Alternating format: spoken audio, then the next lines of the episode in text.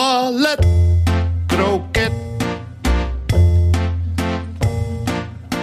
Francine en Janneke, over al die dingen die zo lekker en zo leuk zijn. Ballet, kroket, culinaire zaligheden, culturele wetenswaardigheden en ook nog met live publiek erbij. Ballet, al die leuke fijne dingen vanuit Studio Kookhaven. Ballet, kroket, ballet, kroket, ballet, kroket. Welkom, lieve luisteraars thuis, onderweg of waar je ook bent als je naar ons luistert. En welkom, lieve live luisteraars, hier in Studio Kookhaven. U hoort het, Ballet Croquet wordt opgenomen voor een live studiopubliek. En we zijn dan ook de enige podcast met live reacties. En die komen binnen via de Ballet Croquet app. Ja, en we hebben met het publiek al genoten van de Ballet Croquet Huisband... onder de tweekoppige leiding van Arend Bouwmeester en Matthijs Groenee. Met vandaag maar liefst twee gastleden van de band, namelijk Chris Korstens...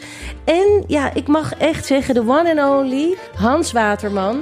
Een ontzettend beroemde drummer. Eh, nou, ik zou zeggen, hoe heet die man ook weer van uh, Vandaag Inside? Uh, Johan Derksen. Hè? Wat moet Johan Derksen in ja, op de Hij podcast? zit op de verkeerde plek. Hij moet hier zijn. De drummer van QB and the Blizzards Ja. is bij ons vanavond. Ja, en die band, ja, ja, ja, nee, natuurlijk, natuurlijk, allemaal terecht. Want deze band, de Ballet Coquette Huisband, die geeft hier altijd een concert ten beste vlak voordat de opname begint. Ja, het is iets waar je eigenlijk allemaal bij zou willen zijn. En dat blijkt ook, want de kookhaven barst bijna uit zijn voegen. Zoveel mensen hebben vandaag eh, de weersomstandigheden getrotseerd en zijn hier naartoe afgereisd, Francine, voor aflevering 11 van het eerste echte seizoen van Ballet Croquette. We gaan het hebben over dingen die het leven leuk en lekker maken. Waarmee je het leven kunt vieren, versieren en verdiepen. Wij doen daar al 25 jaar onderzoek naar, Janneke. We kennen elkaar van ons werk op de redacties van Kunststof en van Manjaren op Radio 1. En wat blijkt, al die onderwerpen kun je plaatsen op de lijn van ballet tot kroket. Ik ben benieuwd, Janneke. Waar zit je vanavond? Ja, ik denk dat ik ongeveer zit op de lijn van twee kroketten uit Brooklyn. Of twee balletdansers uit Brooklyn. En dan met twee polderkroketten uit Nederland. erbij. Wow, Ja. maar het klinkt toch weer heel erg in balans ook. Ja, in zekere zin.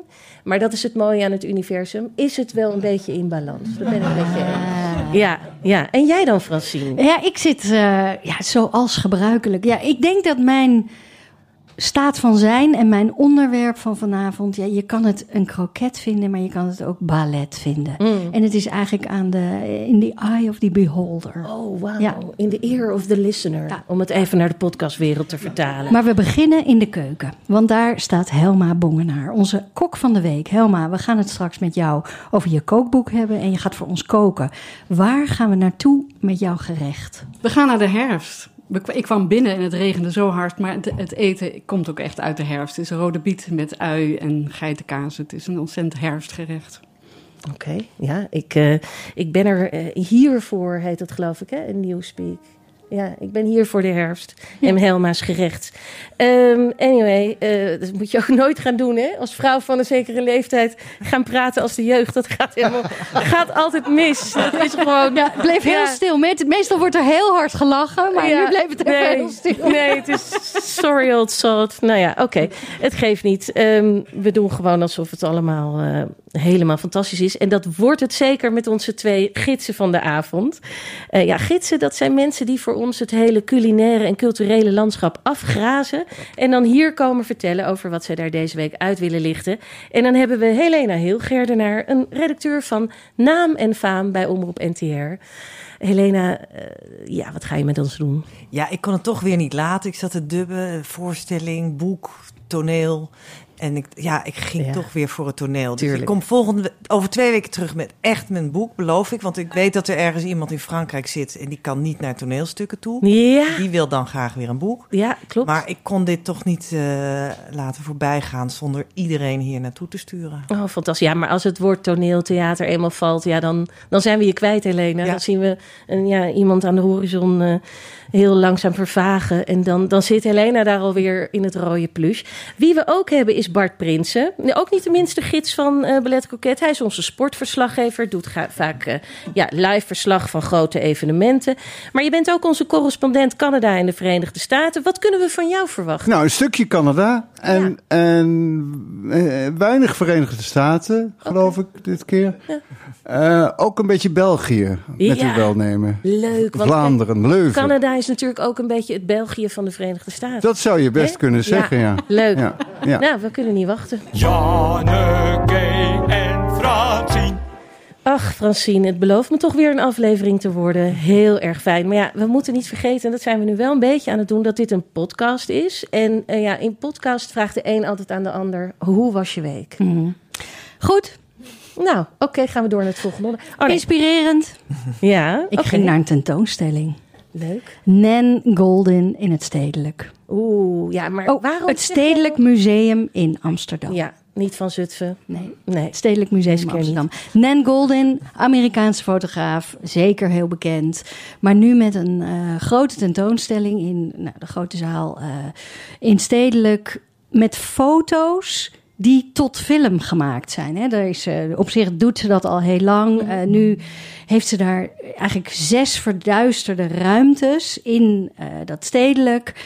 En je dompelt je daaronder in ja, duizenden foto's die ze achter elkaar heeft gezet over ja, de zelfkant van het leven, maar ook de liefde, ja, dood, geboorte, opgroeien, drugs. Ehm, In een soort je- snapshot-achtige stijl. nou, het, ze heeft er echt films van gemaakt. Dus je gaat zitten. Je ziet al die foto's achter elkaar. Maar ze heeft heel goed gewerkt met muziek. ehm, met voice-overs. Met ander archiefmateriaal. Dus achteraf, als je naar buiten loopt. dan denk je: heb ik nou echt alleen maar stilstaand beeld gezien? Maar je hebt zoveel stilstaand beeld gezien. op zo'n mooie manier aan elkaar gemonteerd. Dat in je hoofd heb je gewoon, heb je gewoon. Nou, ik heb dan drie films gezien van de zes die er te zien waren. Want het is gewoon te veel. Je moet echt twee keer gaan. En het is, ja, het is heel indrukwekkend. Want ze weet met die foto. Ken je, ken je die foto's? Ja, ik ken ze wel. En, bij- en het is ook echt van decennia geleden tot aan nu. Ja. Hè? Waar je eh, ja, een beetje New Yorks ook wel weer. Ja, en ze, ze fotografeert haar vriendengroep. eh, en ja, dat is gewoon een hele extravagante vriendengroep met eh transpersonen en geweldige feesten. Heel veel drugs. Eh, uiteindelijk zie je ook ja, de andere kant van eh, te veel drugs. Je ziet ook de kant, maar ook de andere kant. Eh, en ja, het is zo indringend. Dat is dus en door de techniek, dat het, ja, dat het die stilstaande beelden zijn, waardoor je je eigen film eigenlijk kunt maken. Maar het zijn me ook een, ja, het zijn me ook een foto's. Zo dichtbij komt ze. Eh, ja, ik vond het heel bijzonder. Ik zie jou knikken, Helene. Je bent vast ook geweest. Ja, ik was er gisteren. Ik was ook echt van mijn voeten geblazen. Ja? Ja, ik dacht... Oh, wacht, de oven. Ja. Oh, ja. er is iets klaar. Lekker. Ja. ja.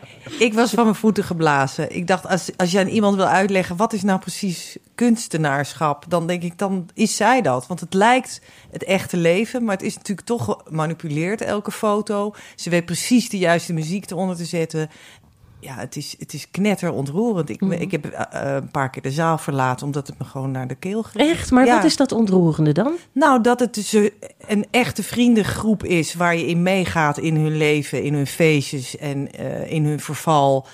En eh, ja, die zijn zo warm en sterk samen. Maar je ziet ook dat ze elkaar allemaal gaan verliezen aan, aan aids, aan de drugs. Het is inderdaad de zelfkant. En zij, is, zij leeft nog, zij is er nog. Het is een soort wonder. Ja, en ze leeft nog en is eh, op haar zeventigste een belangrijke activiste. Dus hè, zij is eh, ook bekend Ja. van die film Pain, Ja. waar nu ook twee series van gemaakt Ja, er zijn. zijn, dat weet ik natuurlijk als serieprofessor. Dat er eh, over, dat, over die pijnstiller Oxycontin... eigenlijk zo ongeveer tegelijkertijd twee grote dramaseries zijn verschenen. Ja, eh, waar als je daar naar kijkt is het inderdaad een afschuwelijk middel... wat, wat binnen de kortste keren verslavend werkt. Ja, maar in die film Pain zie je ook heel mooi hoe zij als ja, oudere vrouw ja, zich heeft voorgenomen van ik ga dit echt voor elkaar krijgen. Ik ga die mensen gewoon nagelen. Ze hebben een product op de markt gebracht. Dat is gewoon zo verslavend, zo slecht. En ja, daar wordt heel veel geld mee verdiend. Maar ja, het is gewoon uh, mensonterend, uh, pijnlijk. Uh, dat, dat mag gewoon niet. En nou ja, zoals ze zich daarin vastbijt. Ik vind het werkelijk een ja, heel, heel mooi en inspirerende figuur. Dus, een, een, kunstenaar en een activist dus. Ja, ja eerst was Nan, Golden. En tot, wat was het, 24 januari of zo te zien in het Stedelijk Museum. Dus mensen hebben echt de tijd. En die, nou, die film Pain uh, is een aanrader. En die twee series dus. Ja, en die dus, twee series, ja. Eentje staat op Disney+, Plus, eentje staat op Netflix. Dus als je een van beide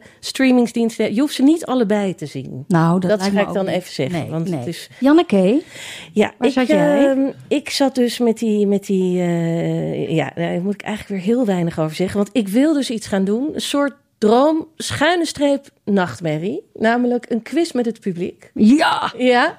En dan wil ik een vraag stellen waarvan ik dan zelf hoop dat ik die ooit een keer krijg. In, in een quiz? quiz. Ja. ja. En dan het liefst de laatste vraag, weet je wel? Oké, okay, want daarna... jij weet het antwoord. Ja, ik weet het antwoord. Maar dat komt ook natuurlijk omdat ik de vraag nu zelf heb bedacht. maar ik verbeeld me dat als ik deze vraag daadwerkelijk zou krijgen, dat ik hem dan ook zou weten. Want ik weet namelijk nooit iets. Niet, niet Janneke, Janneke, Janneke. Ja, Oké. Okay. Lief publiek, willen jullie alsjeblieft luisteren naar de volgende aankondiging? En als je weet hoe die verder gaat, schreeuw dat dan. Nou, schreeuw, ik bedoel, je hoeft niet op de tafel te klimmen, maar zeg het gewoon hardop. Ladies and gentlemen. Wie? Ja! We hebben een winnaar! Het zijn dus, ja, let maar op. Want, doe ik, ik laat hem je horen. Zeg het nog even. Niet iedereen heeft misschien gehoord. Ja.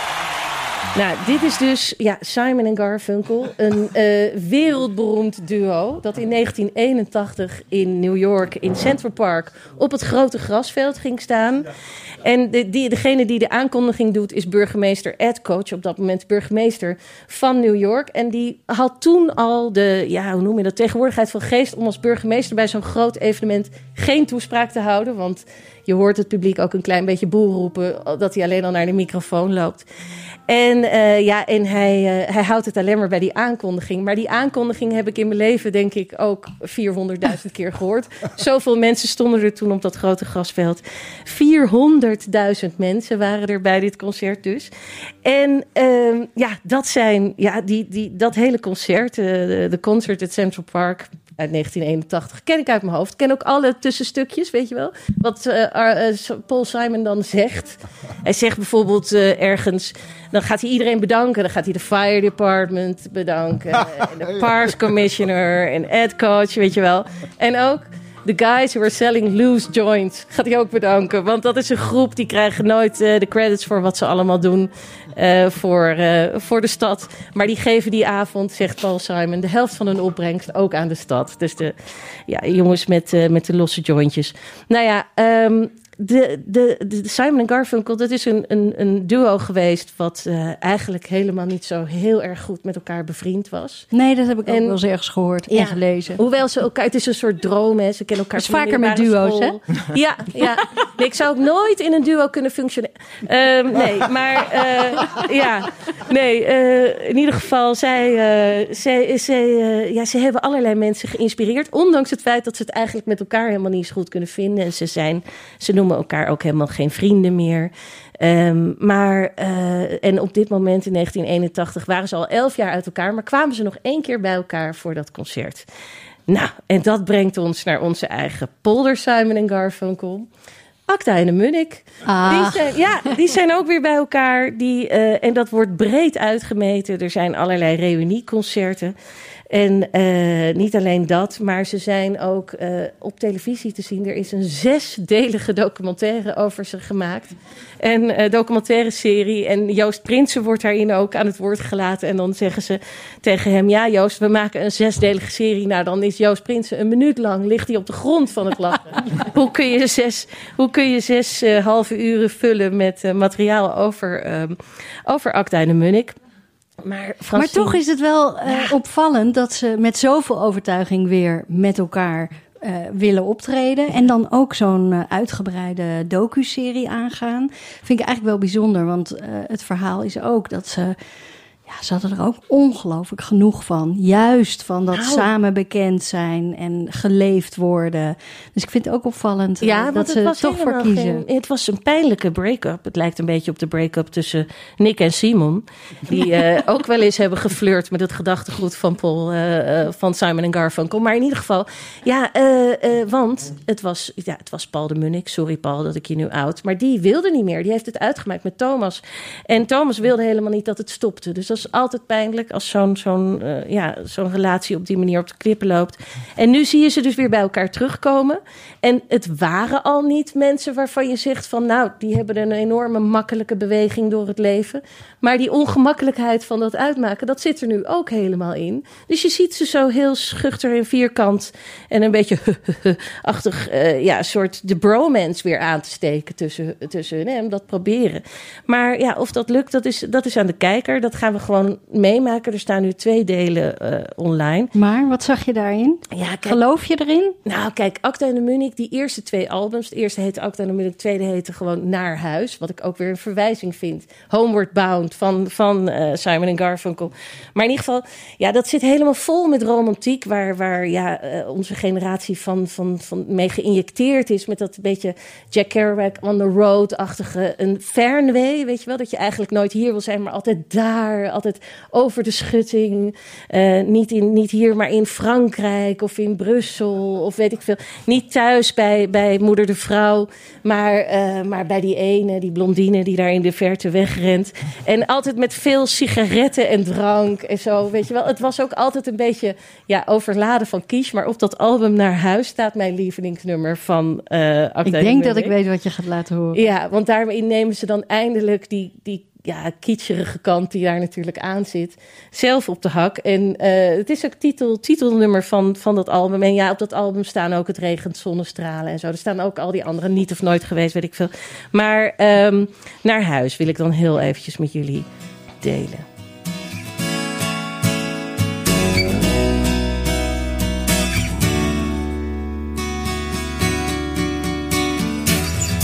Sta je dan, s'avonds twintig over elf, op een strand sigaretten weg te werken. Even eruit, dat was alles wat je wou. Even alleen, want je had zoveel te verwerken. En kijk eens aan, daar staat de grote denker. Aan het werk op de grens van land en zee. De achtste dag, dus vier dagen te gaan nog. Terwijl het leed wel was geleden op twee.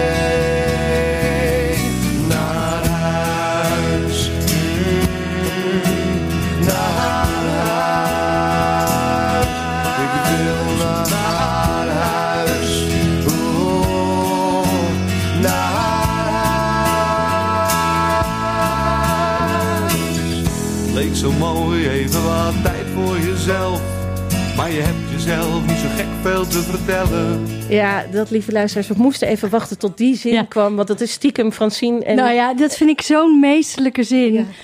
Zo'n man starend in de verte, eh, tijd voor zichzelf om na te denken en dan ja, daarachter hij heeft het helemaal gedaan, weet Ja. je wel. Ja, maar toch vind ik het niet kitsch. En eh, na eh, Kareltje en Johnny, dat waren kinderliedjes eh, die wij altijd met het gezin in de auto eh, luisterden, was deze CD wel een van de ja, eh, echte gezins-CD's. Dus die ken ik ook allemaal en mijn kinderen en mijn kennen dit ook uit hun hoofd. Oh ja, heerlijk. Dus, eh, en ik vind het ook helemaal niet kitsch. Nee, Nee, ja, wat vinden kitsch. jullie? Ik ga, Helena vindt dit denk ik wel een beetje kitsch, of niet? Oh ja, die uitstraling heb ik dan, hè? Ja. jammer is dat. Ja, nee, maar toch Nou, werk eraan, werk eraan. ons intellect. En voel je ook hoe wij dan de kritiek op Ook en de Munnik lekker van ons afvegen? Want ja, die kunnen zich elk moment Nou, ik, vind, ik vind het hartstikke leuk, maar ik begrijp inderdaad niet dat er over deze mensen zes keer een half uur uh, drama gemaakt moet worden. En jij dan, Bart Prinsen? Ik sluit me graag aan bij de vorige gesprekken. Oké, dank u wel, meneer de voorzitter. Dan gaan we door naar het volgende amendement op de grondwet. Eh, ja, Eh, de Kamer gehoord hebbende de beraadslagingen. Ja, nee, eh Francine, eh, dit is dus Akda in de Munnik. Je, ja, je houdt ervan of je, of je vindt het, eh, dat een ander er maar wat over moet zeggen. Daar, dat, zijn, dat is de, de uitslag van deze stemming hier aan tafel. Maar ik hou er stiekem wel van. Vooral die eerste twee albums. Ja, nou voor mij is het echt nostalgie. Ik kan niet meer voelen of ik er echt van hou of niet. Het zit gewoon eh, in elke vezel. Ja, ja, ja, ja. ja. Kan ook, hè? Ook mooi gezegd. Je zegt alles. En of dat positief of negatief is voor Acta en de Munnik, dat mogen zij zelf. Daar mogen ze over wakker liggen s'nachts. Nou ja, wakker liggen. Ik moet wel even terugdenken dat ooit Paul de Munnik... die kwam Oh een cassettebandje bij mij thuis brengen... omdat hij in een radioprogramma wilde waar ik toen voor werkte. Toen kwam hij voor de deur, een boomlange, slungelige Paul de Munnik. En ja, er was eigenlijk geen tekst tussen ons, want hij Oh, dacht... was ja, meteen zonder woorden. Nee, zonder woorden. Het ging meteen met de internationale taal der liefde. Mooi, Ja. mooi. Nee, hij probeerde mij te hypnotiseren dat het, eh, dat het in de radioshow zou komen. En volgens mij is dat ook gebeurd. Ja, ja Maar- die dingen gingen in die tijd allemaal heel anders dan nu. Hè? Ja, ja. zo'n jonge artiest die zich dan eh, ja, bij zo'n Cassette, redacteur... echt letterlijk. Ja. Cassettebandje voor de deur. Kwam dat jij dat hebt meegemaakt. Dat maakt dat ik stok, stok oud ben, hè? Ja, maar wel rock and roll. Oh. Hè? Rock'n'roll grandma. Ja. Oké. Gaan we kijken naar die eh, serie? Waar kunnen we hem zien? Eh, NPO Start, daar kun je hem zien. Er staan nu twee delen, er komen er nog vier dus. En dan de laatste wordt, wordt opgevolgd door een registratie van hun concert in de Ziggo Dome of in Ahoy, ik weet het niet precies. Eh, Larger than life. Ja, Larger Than Life. Wat komt nu? Wat komt nu?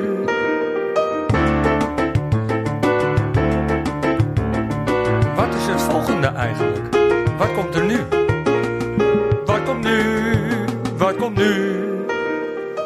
Helma Bongenaar, eh, van jouw hand verscheen een paar jaar geleden het prachtig kookboek Au Bon Coin. Ja, dank je. Eh, ja, een, een, een ja, nostalgisch juweeltje van een, van een boek. Echt iets wat je ja, wil hebben. Ik laat ondertussen aan het hier aanwezige publiek even een van de beelden zien uit dat boek. En daarin zien we echt een snoeperig eh, schemerlampje.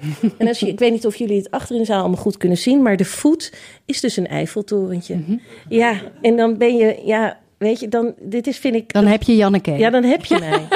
Je weet, ik schuw de kitsch sowieso niet, hè, na mijn pleidooi van net. Maar nee, dit is, dit is eigenlijk in die schemerlamp wil ik wonen. Dat is gewoon fantastisch. En niet alleen eh, ja, de, de, fotogra- eh, de foto's en, en, eh, en de beelden die je erin hebt gezet zijn prachtig. Maar de recepten zijn minstens ja, zo tot de verbeelding sprekend. Eh, en jij hebt dat boek helemaal gecentreerd rond de letter A. Ja, dat klopt. Ik moest ergens een kader hebben.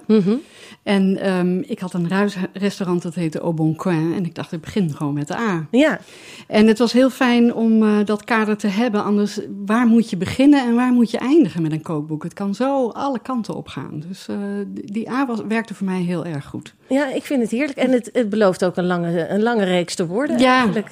Nou ja, Au Bon Coin is ABC. Dus daar, ik wou bij de C eh, toch eindigen. Ja, oké. Ja. Ja, dat, dat is dan misschien ook wel iets overzichtelijker. Dan kan je Ja. later altijd nog eh, iets anders verzinnen. Ja, uitbreidingssets. Ja. Ik wou je even meenemen naar een streek die ook met de A begint. Ja.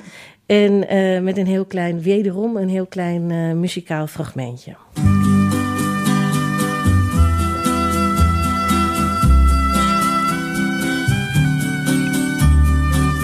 Ils quittent un à un le pays pour s'en aller gagner leur vie, loin de la terre où ils sont nés. Depuis longtemps, ils en rêvaient de la ville et de ses secrets, du formica et du ciné. Ja, dit was even een instinkertje voor de luisteraars. Want ze dachten natuurlijk, we gaan naar het dorp.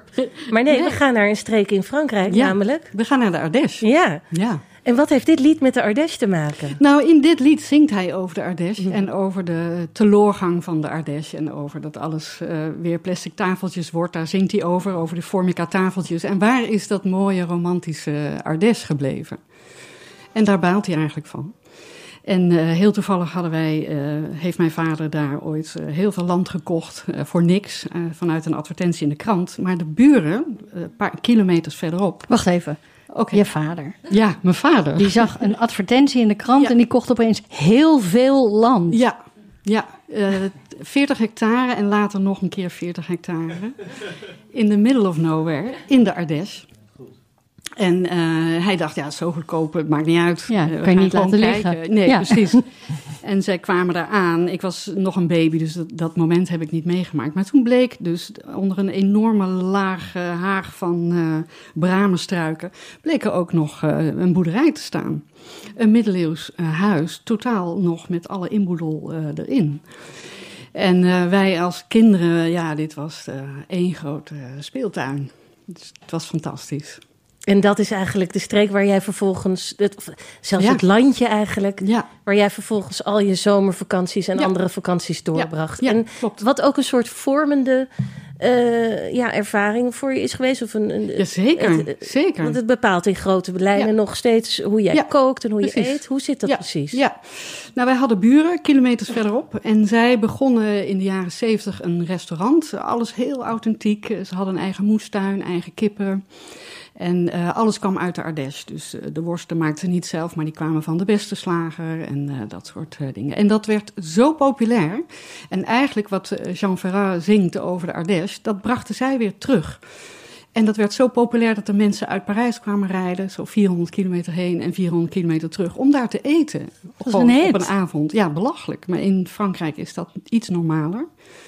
Maar het was heel populair. En ook Jean Ferrat was daar eh, vaste gast. Dus eh, dat was heel bijzonder. Een, een vriend van de familie was die dus eigenlijk ja, daar. Ja, Ja, voor de, voor de familie van, eh, van jullie buren. ja.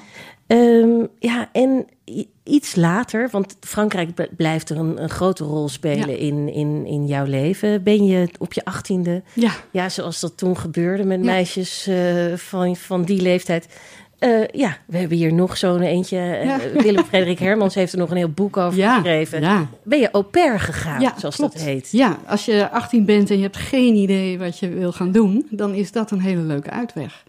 En eh, Parijs, dat vond ik altijd al een geweldige stad. Dus ja, dat was heel leuk. Het was alleen pittig, want ze hadden zes kinderen. Ja, Ja, en daar moest ik iedere dag voor koken.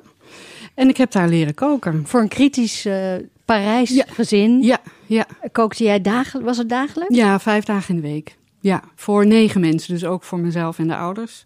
En eh, we eten vanavond ook quiche hier. En ik heb daar quiche leren maken. Ik kan het blind, blind maken. Want daar gingen ook de restjes eh, uit de koelkast gingen allemaal in de quiche. Dus als je de koelkast op wilde maken, dan maakte je een quiche. Ik heb altijd het idee dat Parijzenaren heel streng zijn. Ja, dat is ook zo. Was dat hier ook? Ja, het was een heel streng gezin. Ja, zeker. Ja, ja zijn streng in, eh, in alles eigenlijk. Ja, ja maar ehm, ik heb me staande gehouden. Ik heb het een jaar volgehouden. en je woonde er niet, hè? Dat was geloof ik een onderdeel van precies. het succes. En daarom heb ik het ook vol kunnen houden. Ik woonde twee blokken verder. En Ja. eh, dat was heerlijk. Dus ik deed om eh, acht uur s'avonds de deur dicht. En had mijn eigen leven daar. Ja. Ja, ja het is Ja. toch fantastisch. eh, vrij Spartaans eh, bestaan ook wel voor een 18-jarige om ineens zes kinderen onder je hoede te hebben. En, Ja, eh, als ik dan, want Helena, volgens mij was jij ook au pair in eh, Parijs. Ja, nou, was je ook eigenlijk maar, 18? maar één maand was Oh, ik één au maand. pair. En toen moest ik, eh, Oh. en, en toen moest ik schoenen poetsen. Ze waren ook heel streng en onaardig. Ik mocht ook niet binnenkomen. Ik mocht alleen in een soort zijkamer. Oh, ja. dat waren hele chique mensen. En ik woonde dan op de zesde verdieping op zolder. En eh, toen heb ik een andere kamer gevonden. En toen ben ik gewoon in de horeca gaan werken. ja. Dat vond ik toch iets fijner dan eh, dat onderdanige gedoe. ja, je moet- Maar goed, jij hebt er in ieder geval heel goed leren koken. Ja, En, eh, ja. dat, dat strenge heeft voor jou wel wat opgeleverd. Ja, nou ja, inderdaad. eh, het heeft wel te maken met dat ik een enorme vrijheid ha- had ook. Hè, naast eh, dat ik daar moest werken. Mhm. Dat was dan vijf dagen in de week, vijf uur. En eh, dat was prima vol te houden. En de rest van de dag was gewoon Parijs. Lag aan mijn voeten. Mhm. Ja. Hey, en Au, Au Bon Coin, zo, zo heet je boek. Ja. Wat betekent dat? Eh, de Goede Hoek. En ehm, in Frankrijk heten heel veel horecagelegenheden au bon coin. Als ze op een hoekje zitten. Dus een hotel au bon coin. Of een restaurant of een café. En ik woon ook op een hoek. Mhm. En eh, vandaar. En dat heb je helemaal ingericht als een soort stijlkamer. Ja, het, we wonen ook in een oude kroeg. Dus het is een kroeg geweest ooit. Voor de havenarbeiders in de Tsaar-Peterbuurt in Amsterdam. En eh, ja, wij, wij kwamen erin en we hebben er eigenlijk weer een soort eh, kroeg van gemaakt. Ja. Wonen in de kroeg, zeg maar. Het is fantastisch om te zien. Eh, deurtjes hebben jullie overal vandaan gehaald. Ja. En, en ja, jouw man die, ik denk niet twee, maar ik ongeveer zes rechterhanden heeft. Heeft dat overal weer ingezet. En die heeft daar de meest eh, fantastische ja, eh, interieurs mee gebouwd. En eh, je geeft ook tips hoe simpele zielen zoals ik zelf bijvoorbeeld... eh, een beetje structuur kunnen brengen in wat Ja. ze allemaal mee naar huis Ja. slepen vanuit een brokante. Ja. Noem eens zo'n tip. Ehm, noem eens zo'n tip. Ehm, eh, het was laatst, het, een paar weken geleden stond een heel leuk artikel in de Volkskrant over klutterkoor. Dat is een nieuw woord van alles verzamelen en dat mag, dat mag allemaal weer. En bij mij, eh, er is ook een nieuw woord. Daarnaast weer een nieuw woord kom- gekomen en dat is cluster. Clustercore. Ah. En dat past dus heel goed. Dus als je heel veel dingen van hetzelfde hebt, wat Maar heel geef op elkaar lijkt. Geef eens een voorbeeld. Eh, nou, ik heb bijvoorbeeld een enorme verzameling blauwe kommen, Franse koffiekommen. En ik heb daar gekozen voor één kleur, blauw en wit. En dan past alles bij elkaar. Dus al die blauw-witte kommen passen allemaal bij elkaar. Het zijn allemaal Luister dezelfde. Janneke? Ja, ik luister. Dat zijn van die fantastische kommetjes die ik eigenlijk nou, bijna mijn hele leven heb aangezien voor yoghurtbakjes. Maar waar, waar Fransen dus hun café au lait. Ja, café au lait. Au bon coin, café au lait. Le croissant, garçon. Dat. Ja. Precies, trottoir. Ik ga dat ook allemaal Cluster. helemaal anders. Ik gooi de yoghurt de deur uit en ik ga er lekker koffie uit drinken uit Ja, die bakjes. Heel goed. Nou ja, eh, Helma, we kunnen niet wachten, want we krijgen straks iets te proeven. Ja, heel goed. Ballet, kroket, ballet, kroket, ballet. We gaan naar de eerste gids van de avond, Helena Hilgerdenaar. Een grote liefde voor theater, midden in een bed voor liefde van alle kunst en cultuur. Vanavond gaan we weer met jouw theater in. Je zei het al. Vertel. Ja, nou ja, het is een hele oude traditie, bestaat al heel lang. eh, dat zijn de lunchpauzevoorstellingen eh, in Bellevue, Amsterdam. Ik hoop dat het eh, in andere steden ook is.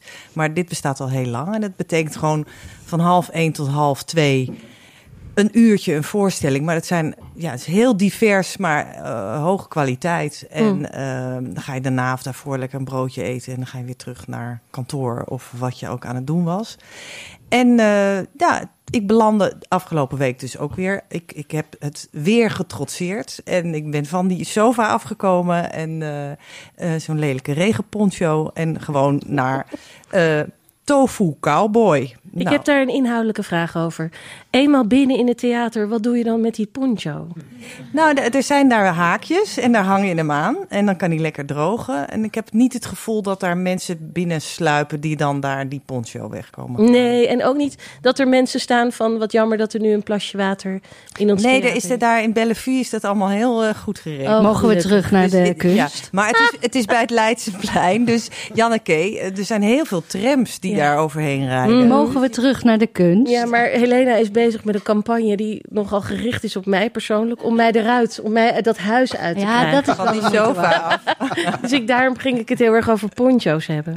Nee, ik vind dat eh, Janneke ook hier weer naartoe moet. Mm. Eh, het is een monoloog, een solo van een acteur die ik eigenlijk zelf niet goed kende. Stijn de Leeuwen heet hij.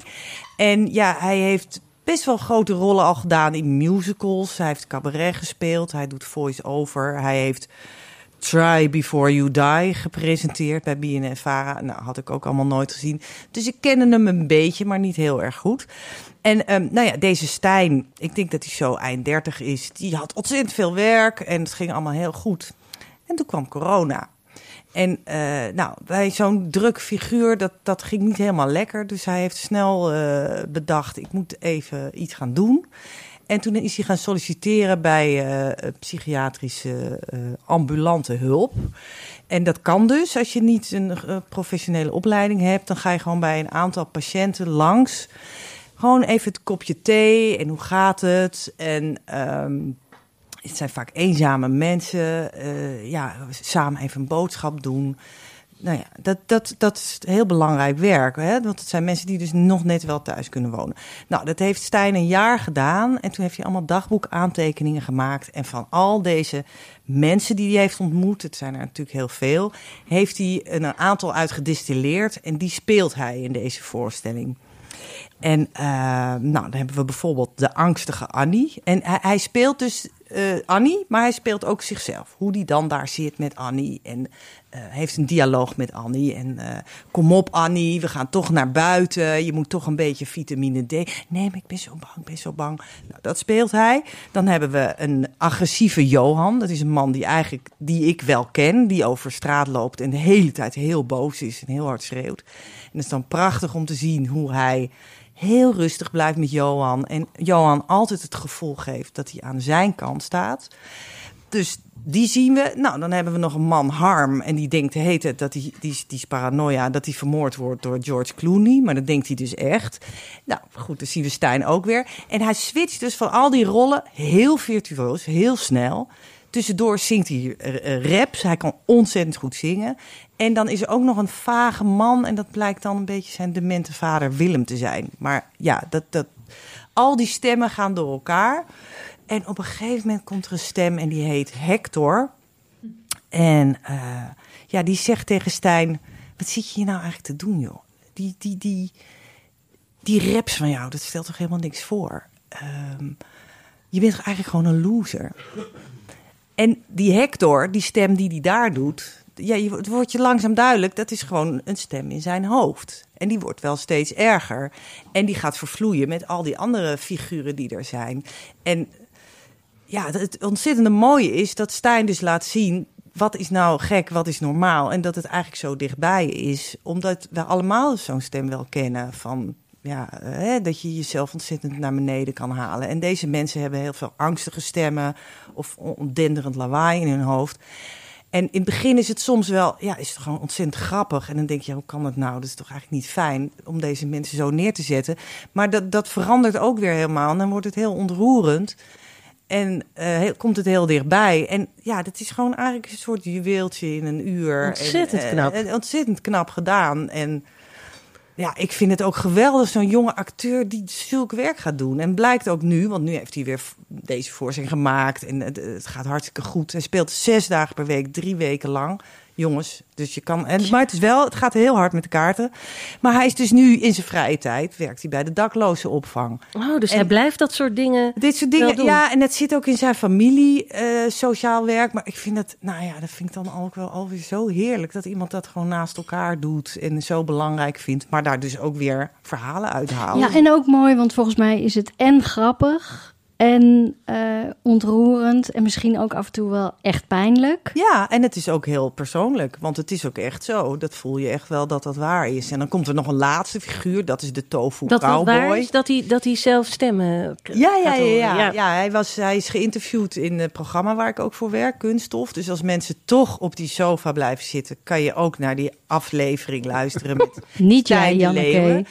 uh, Janneke, er is een klein escapeje. En het grappige is, in die die radio-uitzending heb ik iets gehoord wat ik nog nooit heb gehoord. Wat ik ook altijd heel boos van word als iemand dat vraagt van een acteur. Ik ben heel benieuwd. Nou, hij doet dus een paar van die stemmetjes voor. En ik heb nog nooit een eh, acteur buiten, buiten de plek, gewoon het toneel, gewoon even zijn dingetje. Weet je, ik vind Ja, het ook ja, afschuwelijk als dat van acteurs wordt vragen. Kan je even een stukje van eh, uit het stuk doen of zo? Dan denk ik dat kan je helemaal niet vragen van iemand. Het is zo ingebed in een groot verhaal, maar hij kan dat dus. Het is echt een hele virtuoze acteur. En, en ook ja, die cabaretier zit erin. Daardoor durft hij dat misschien Ja, ja, ja. al wel. Volgens mij doen cabaretiers dat ook nooit. Zo Nee. in een radio-uitzending, een Nee. fragment uit Nou, niet gevraagd, wel ongevraagd. Ja, Dat was het. Nou, wel. dit gebeurde dus ongevraagd. Nou, ik vind het Dus wel je kan dus wel in die, eh, die, die radio eh, kan je luisteren. Mhm. Dan hoor je ook al iets van wat je zou... Maar als je naar die voorstelling gaat, word je natuurlijk veel ja, harder moeten er beloond. naartoe. Ja. Poncho aan, hup, de fiets Ja, het zijn rottige tijden, maar... eh, ja, Je doet het voor het goede doel. Ja, nee, je hebt me weer bekeerd, Helena. Dingen met dik. Dingen met dik. Dingen met dik.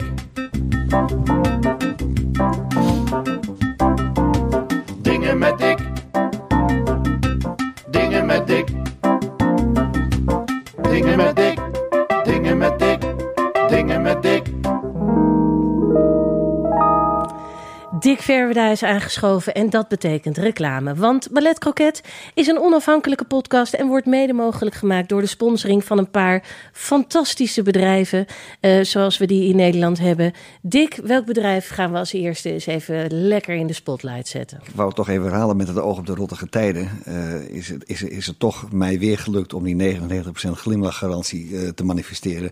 Door het, het, het aanbieden van een Hermit Gin met, met een gin tonic, met eh, een Fever Tree eh, tonic erin. Ja, hier noem je En- al eventjes een aantal bedrijven. Ja, ja, maar ik wou toch even dat dat, dat, dat, dat zonlicht er even in komt. Hè? Ja. Ik heb deze mensen die hier eh, eh, bij ons zijn een, een glas gin tonic aangeboden met een eh, schijf eh, grapefruit in die de ondergaande zon symboliseert. Mhm, En die dan toch een stukje licht brengt in deze, in deze donkere Ja, tijden. maar iedereen kwam Kijk er binnen. nog maar eens in. Precies, iedereen kwam binnen. Ja. die slagregen. Ja, en ineens Stond met zo'n glaasje van jou, met die ondergaande zon. Volgens mij, 99% glimlachgarantie. het leven zal niet meer hetzelfde. Nee, nee. Nee. Toch? Nee, Nee. nee. Nee, die dus- allemaal blije gezichten. Mensen moeten hier ook lering uittrekken en zelf ook deze gin gaan najagen. Ja. Maar eh, ja, je hebt het dus gemixt met, hoe heet die tonic ook alweer? Fever Tree eh, Mm. eh, Mediterranean. Ja, Francine, jij bent... ja, Ja. ik ben van de doorzichtige drankjes. Dit is de beste combinatie. Wat maakt ever. die Fever Tree zo lekker? Die Fever Tree eh, is eh, samengesteld uit louter natuurlijke producten. Oh, kijk, maar En dat dan is het kunnen wel. we zelfs nu even toespitsen op de, bijvoorbeeld de suiker. Dat is geen gewone geraffineerde suiker. Nee, dat is rietsuiker. Oh, maar dat proef je. Dat proef je. hè? Ja. En, zo, en ik, wou, ik wou maar zeggen, hè, het, het, het is wat duurder dan de normale tonic, maar het is wel echt... eh, eh, Dat komt door die natuurlijke ingrediënten. moet je erbij hebben. Ja. Dus dan gaat het nergens over. Fever Ja. Tree. En eh, Dick, we moeten nog even een merk onder de aandacht brengen. Ja, misschien wel. Ja, ons, ons lievelingsmerk mogen we het niet zeggen natuurlijk, want al onze merken zijn ons lief. Ja. Maar eh, Studio Kookhaven. Studio Kookhaven, daar zitten we nu, hè.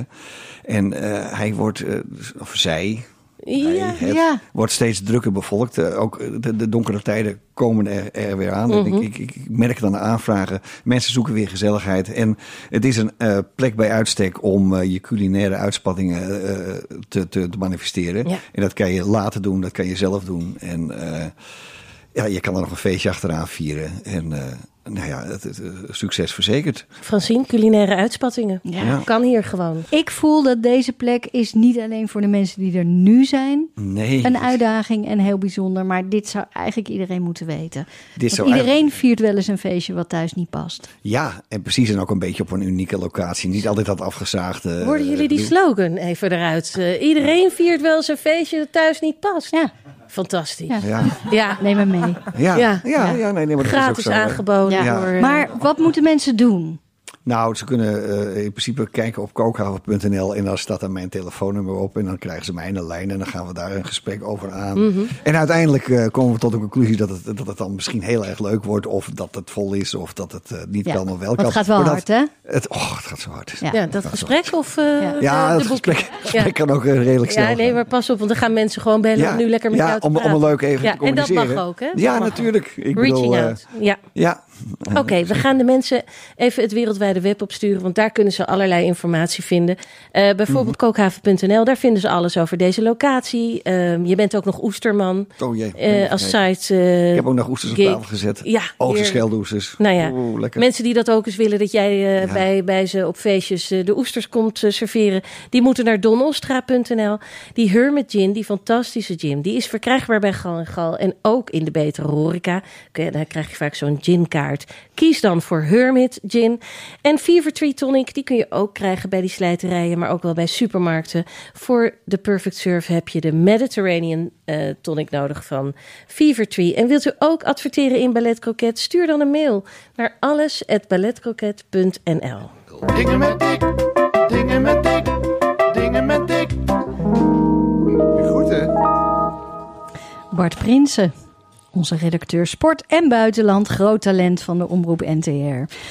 Ja, dat werk hè, bij die NTR, Ja, wat, wat- je daar wat- doet. Ja, ja. Kan je daar iets over zeggen? Want er zoomt van alles rond in Hilversum over waar jij Er allemaal mee dingen, bezig er, bent. er, er zijn dingen, er staan dingen op stapel. Eh, Maar ja, ik kan daar helaas nog niets over zeggen. Ja, maar ik vind dit al een primeur van je welste. Er staan dingen op stapel, Francine. Dingen op staan. Wanneer ben je er weer in Ballet Croquet? Eh, ik denk over een maandje. Dan, En? hoop ik toch over twee van de drie dingen toch wel iets meer duidelijkheid te hebben. Oké. Waar wil je het vandaag over hebben? Ik, eh, ik was in Leuven dus ik, eh, gisteren. Dus ik wou het hebben over Dirk Bouts, beeldenmaker. Ja, je denkt, wie is dat? Kunstenaar. Kunstenmaker uit de 15e eeuw, dames en heren. Een van de Vlaamse meesters. Het was ontzettend druk. Ehm, die eh, Bouts, er is zelfs een heel festival in Leuven nu rond deze meneer Bouts. En eh, hij, is, hij wordt de pionier van het lijnperspectief genoemd. De schilder van de stilte, wat ik zelf wel heel mooi vind. En hij, uh, hij speelde op het succes, ik moet een beetje wat, wat informatie geven, uh, op, het succes van de moderne devotie. Ik weet niet of de mensen dat nog wat zegt. 14e eeuw, Geert Grote, die zei, of in ieder geval, er was eigenlijk vanwege allerlei misstand in de kerk, dat hij zei, je kunt ook je eigen persoonlijke, individuele geloofsbelevenis hebben. Wanneer was dit? Dat was de 14e eeuw. Zo. En een eeuwtje later was dus deze Dirk Bouwse. de duistere middeleeuwen. Nou ja, het mooie wat. Dus als je daar dus komt in, in dat museum en je ziet die dingen. Uh, het zijn behalve landschappen ook heel veel portretten en natuurlijk uh, allerlei uh, bijbelse voorstellingen. Maar het komt zo dichtbij en het is zo. Ik zou bijna zeggen intiem of menselijk of, of, of emotioneel. Dat het dat je helemaal niet het idee hebt dat daar vijf eeuwen tussen zitten. Dus dat is echt ongelooflijk. En het dus het gaat me eigenlijk over de, de menselijkheid en de eigenheid van die, van die schilderijen. En dan moet ik nu eventjes iets uitleggen, want ze hebben daar in Leuven bedacht: we gaan voor de transhistorische benadering. Oh, help. Leg uit. Nou ja, om het uit te leggen moet ik even een stapje terug. Een jaar geleden was er bijvoorbeeld in het Centraal Museum een uh, tentoonstelling die heette Double Act. En er was een overzicht van videokunsten van de jaar, laatste twintig jaar. Weet je wel, Bill Viola, uh, Pepe Lottirist, Marina Abramovic, uh, Steve McQueen, al die types. En, dat, en die Bart Rutte van dat museum, die directeur, die had bedacht... dat is dan leuk als we dat dan naast de uh, stukken uit de vaste collectie van het Centraal Museum zetten. Zodat je... Dus dan ja, heb je bijvoorbeeld een. te maken. Nou ja, ik weet het niet precies. Dat heet dan dus transhistorisch. Dat, dat is eigenlijk om je uit te leggen van kijk deze, dit schilderij uh, van Paulus Moreelse. Dat heet uh, De Foltering van Prometheus. Dat, daar zie je iemand zich branden aan het vuur. En kijk daar in die video-installatie van Bill Viola. Daar zie je ook vuur. En kijk eens. Uh, Wat een dialoog die twee Jongen, werken met elkaar hè? Ja, ja. Dus ik- Oh, dit is helemaal mijn benadering. Nou, voor, transhistorische ja, benadering. wat mij vooral van die tentoonstelling is bijgebleven trouwens, was een gigantische video-installatie van Richard Moss. The Enclave heette dat. Een beklemmende, verontrustende, echt wel heel akelige installatie over de burgeroorlog in Oost-Congo. Waarin de spanning van de oorlog voortdurend voelbaar is, terwijl er eigenlijk helemaal niks gebeurt. Je ziet allemaal mannen een beetje staan, vrouwen, kinderen. Maar er, het gebeurt niks. Er zijn wel geweren in beeld, maar er wordt eigenlijk nauwelijks mee geschoten. Weet je wel? Nou, daar had ik dus al die 17e eeuwse genrestukken van eh, meneer Rutte helemaal niet bij nodig om daar Om iets de, bij te de voegen. narigheid ervan te snappen, ja. Dus, eh, nou ja. Eh, moet ik nog even een ander uitstapje doen? Als het mag. Ja, tuurlijk. Wat- Jij mag uh, zoveel Want ik, ik, ik was, eh, een, een maand geleden was ik in Vancouver. En daar zag ik, eh, zag ik in de Vancouver Art Gallery een tentoonstelling die heette Conceptions of White. En dat ging over racisme, over wat ze daar noemen wit racisme. En wat mij als Europeaan opviel, was dat die tentoonstelling een hele andere blik eigenlijk op racisme had dan wij hier in Europa gewend zijn. Waar het toch altijd meer een beetje gekleurd is door het slavernijverleden of door kolonialisme en de, en de erfenis daarvan. En daar zag je eigenlijk meer een, ik zou maar zeggen, een racisme van binnenuit. Wat echt ging over de First Nations people bijvoorbeeld. Die in, eh, en eh, een, een van de indrukwekkendste dingen die ik daar zag en hoorde was een gedicht, Speak White, van, eh, van Michel Lalonde. Ik geloof dat je dat... eh, Ja, dat kunnen we klaar even hebt laten gezet. horen. Speak white.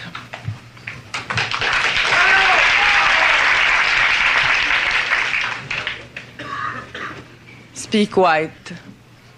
Il est si beau de vous entendre parler de Paradise Lost ou du profil gracieux et anonyme qui tremble dans les sonnets de Shakespeare. Nous sommes un peuple inculte et bègue, mais ne sommes pas sourds au génie d'une langue. Parlez avec l'accent de Milton et Byron et Shelley et Keats. Speak white. Et pardonnez-nous de n'avoir pour réponse que les chants rauques de nos ancêtres et le chagrin de Nelliga. Dus eh, eh, dit, dit was een performance op de Nacht van de Poëzie in Montreal in eh, 1970. En deze Michel Lalonde is dus een vertegenwoordiger eh, vanuit Quebec, vanuit de onafhankelijkheidsgedachte dat Quebec eigenlijk een aparte staat zou mogen worden. En dat ook werd dus blijkbaar, wordt dus blijkbaar gepresenteerd als een uiting van racisme. De manier waarop wij, of althans, nou ja, althans, eh, het Engels sprekende deel van Canada aankijkt tegen het Frans sprekende deel. Ja, zegt ze, kom maar op met je Keats en je Byron en je Shakespeare en je Paradise Lost en, en al die dingen. Want ach, wij hebben toch niks anders te bieden dan de grove, onbeschaafde taal van onze voorouders. En het chagrijn van Nelligan, zo eindigt het. Nelligan is ook een eh, dichter uit Montreal. Nou, dus nu even terug naar Leuven. Sorry voor, dit, eh, voor dit gedoe. Maar wat ik Bart, dus Bart, leerde Bart, daar in Vancouver... heer- maar een heerlijk gedoe. Want ik heb naar dat gedicht zitten luisteren. Ik heb de helft maar begrepen natuurlijk. Dus fijn dat je het even vertaalt. Ja. Maar het is toch prachtig om naar te luisteren. Het is ongelooflijk. Ik krijg het er nu weer koud van. het- is ontzettend goed gedaan. Ik, wat ik wil zeggen over die transhistorische blik. Dus eh, in de brochure die ik hier heb van eh, Dirk Bouts. staat dan dat. eh, de transhistorische blik stelt het moment centraal waarop een beeld bekeken wordt. Het is dus niet de maker die betekenis geeft aan een kunstwerk, maar de toeschouwer. En dat heeft de curatoren van M. Leuven er dus ook toe gebracht, net als, als die Bart Rutte in Utrecht, om hedendaagse beelden te tonen in combinatie met die kunst van vijf eeuwen geleden. Dus dan zie je Eddie Merckx naast een portret van Jezus. Of Beyoncé naast een schilderij van Maria. En voor mij voelt dat ontzettend geforceerd en obligaat en totaal onnodig. Want, je, want, want dat werk zelf zegt al genoeg tegen ons. Namelijk dat we met onze eigen individuele persoonlijke blik kunnen kijken naar werk van meer dan vijf eeuwen geleden. Of van werk uit de Gouden Eeuw. Of van werk van de overkant van de oceaan. Om dingen te herkennen of juist niet te begrijpen of verbanden te leggen. Nou ja, dus eh, nog tot en met 14 januari 2024. Dirk Bouts in M. Leuven. Jij wil iets vragen? Nou ja, ik, ik, ik, ik weet niet of ik het helemaal met je eens ben. Want ik denk, ik denk dat het voor een bepaald soort bezoekers, die zich misschien jongere mensen die zich aangesproken voelen door Beyoncé, weten dat dat soort beelden in musea hangen, eh, daar naartoe getrokken worden en een connectie maken tussen kunst van vijf eeuwen geleden. Ik denk ook een beetje dat er heel veel geoorloofd is om nieuwe mensen te laten kennismaken met allerlei soorten kunst. Dus als het, het is een beetje een rottige naam misschien, of ja, eh, het er wordt vaak eh, lelijke tekst bijgeleverd. Maar ik snap het, uitgangspunt wel dat je gewoon dingen probeert in Een vertaalslag probeert ja, te maken. en jij bent natuurlijk al zover dat jij van alles kan eh, associëren als jij voor een beeld staat. Maar heel veel mensen staan heel angstig te kijken van ik moet hier nu iets van vinden en eh, ik, weet het niet of zo. En ja, je kan ze ook wel wat meer verleiden. Ik ben wel ook wel voor de verleiding hoor, in, in musea en op allerlei andere plekken ook. Het mag wel soms, toch? Ja, mag het naar de mensen toe? Het mag sowieso natuurlijk, alles mag. Mhm. Eh, Maar ik voel me een beetje als een kind aangesproken. Dus Precies, je hebt ik, geen ik zin om snap best betutteld te wat worden. Helena zegt. En ik ben het ook met je eens dat alles wat, wat de, de mensen de musea in kan trekken... of iets kan leren over wat daar te zien is... dat is geoorloofd natuurlijk. Het mag allemaal wel. Ja, maar je wordt er wel maar het wordt een van. beetje met, de, met de haren erbij gesleept. Weet je wel? Dus, Ja, ja, ja. dus dat was in ieder geval in dat Centraal Museum echt heel raar. Dat je denkt, ja, maar dit is... Was te letterlijk ook. Het is, eh, ja, het is zo vuur ge- of- ge- ja, ja. ge- bedacht. En dan, dan heb je zo'n Co- Congolese eh, presentatie die is werkelijk zo ontzettend in, je- in, je, in, je, in je ziel krast. Daar heb ik echt dat, dat allemaal Nee. niet bij nodig. En Nee. ik denk eerlijk gezegd, jonge mensen ook niet die nog weinig in het museum zijn geweest. Nou, ik hoor het vuur, Bart. ik, hoor, ik voel het vuur. Ik voel het vuur, ik, ik Ja. hoor het vuur. Eh, waar kunnen we naartoe en tot wanneer? Je zei het, Het is eh, tot half januari. Het is in heel Leuven te doen. Leuven is trouwens een hele leuke kleine universiteitsstad. Met ontzettend veel eh, grappige kroegjes en toestanden. Je kunt ook een eh, Dirk Bouts biefstuk eten, geloof ik. Ja, altijd goed. Even over het eten beginnen, wat mogelijk. Ja, wat, wat ja. Dat, nou ja, dat is er ook. En een Ja. wandel, wandeling maken door de botanische tuin. Al die dingen. Dat is heel erg leuk. Dankjewel, dus ik, eh, Bart. aanradertje. Wie is de kok? Laat mij eens spreken met de chef. Ai, waar is de kok gebleven, chef? Ai, waar ben je nu? Laat mij eens spreken met de chef. Ai, wie is de kok? Ai, wie is de kok? Ai. Ja, Helma Bongenaar is terug aan tafel. Niet met lege handen, maar met een prachtig bordje. Quiche, had je ons al beloofd. Maar Uiteraard. ik zie, ik zie iets... Wat bij mij, bij mij ziet de quiche er nooit zo mooi uit. Nee. Want- want dit is een rond Ja, ik heb hem uitgestoken met een uitsteker. En daarmee heb je een klein stukje quiche. Het, is eigenlijk, het komt eigenlijk uit de catering. Het is handig om het op deze manier te presenteren. En omdat er zoveel mensen zijn vanavond, was dit een Ja. makkelijke manier. Ja, ik snap het. En dan ligt er dat prachtige stoofpeertje Ja, bij. stoofpeertje. Dat komt door de herfst. En- Die eh, vind ik ontzettend lekker met de ui en de, en de biet. Want dit is, een, dit is een Helma Bongenaar original combinatie. O- original. Ja, kijk. kijk als, je maar, als je het maar goed leert, dan kun je daarna je eigen uitvindingen gaan doen. Ja. Ehm, heel eventjes over die quiche. Wat voor, wat voor een bodem zit daarin? Ja, ik maak mijn bodem altijd zelf. Dat is gewoon meel met eh, roomboter en, eh, en een ei. Ja, doe er maar heel gewoon over. Ja. Maar eh, je kan de meest verschrikkelijke dingen met drie ingrediënten ja, maken. Ja, ja, precies. Voordat het maar een, een kies met bladerdeeg vind ik echt verschrikkelijk. Oh ja. Dus dat mag Mocht van die. Fransen vast ook Nee, niet, zeker niet. Nee. Nee. Nee, nee, nee. je moet gewoon je eigen deeg maken. Gewoon Ja. lekker. lekker. Francine, doe eens Ja. een... eh, Doe eens een, eh, doe eens een ding. Ik heb al eh, lekker zitten proeven van het stoofpeertje. Ik vroeg me even af, eh, met welke alcoholische drank heb je die? Met eh, rode, Rode. wijn. Ja, rode wijn, kaneel, eh sterrenijs en een eh sinaasappel schillen erdoor. Oh ja, sinaasappelschillen. Ja. heel lekker. En de quiche, ja, eh, wat ik daar heel knap aan vind, is dat die biet, die biet die heeft wel nog een bite. Ja. Soms heb je biet, die, daar glij je dat, Janneke? Dan Ja. Glij je daar zo doorheen, Ja. zo gekookt Nee. biet, niet lekker. Nee. Maar waar, eh, hoe krijg je hem dan zo?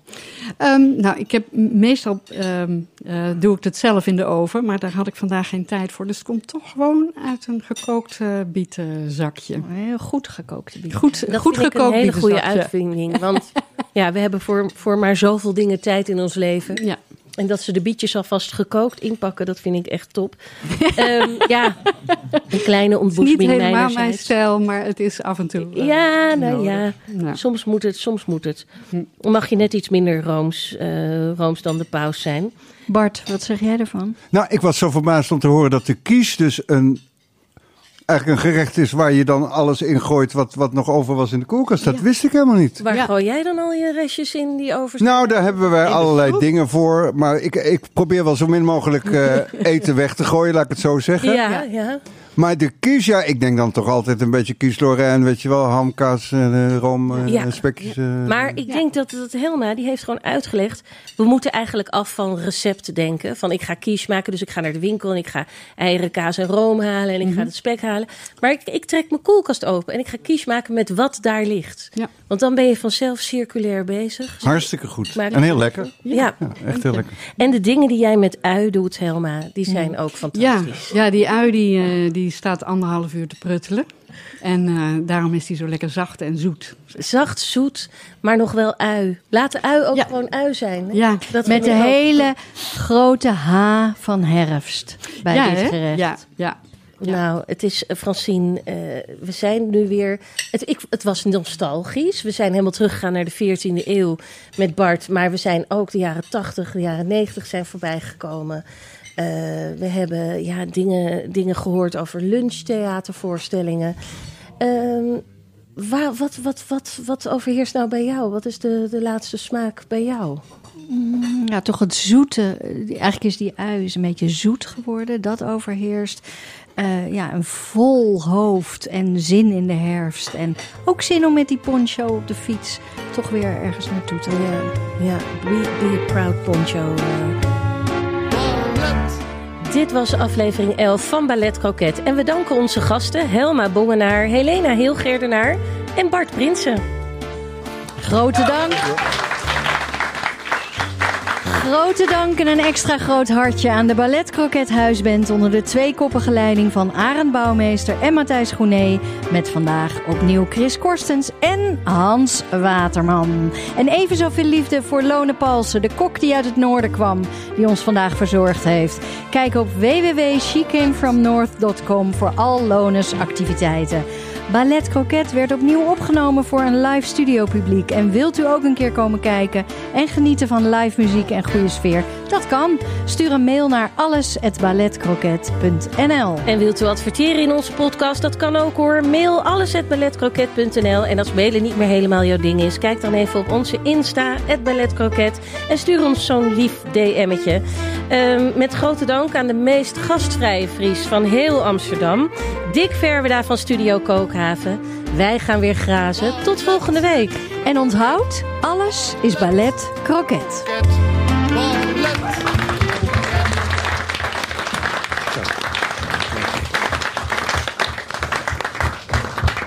Zo, nu een kroket.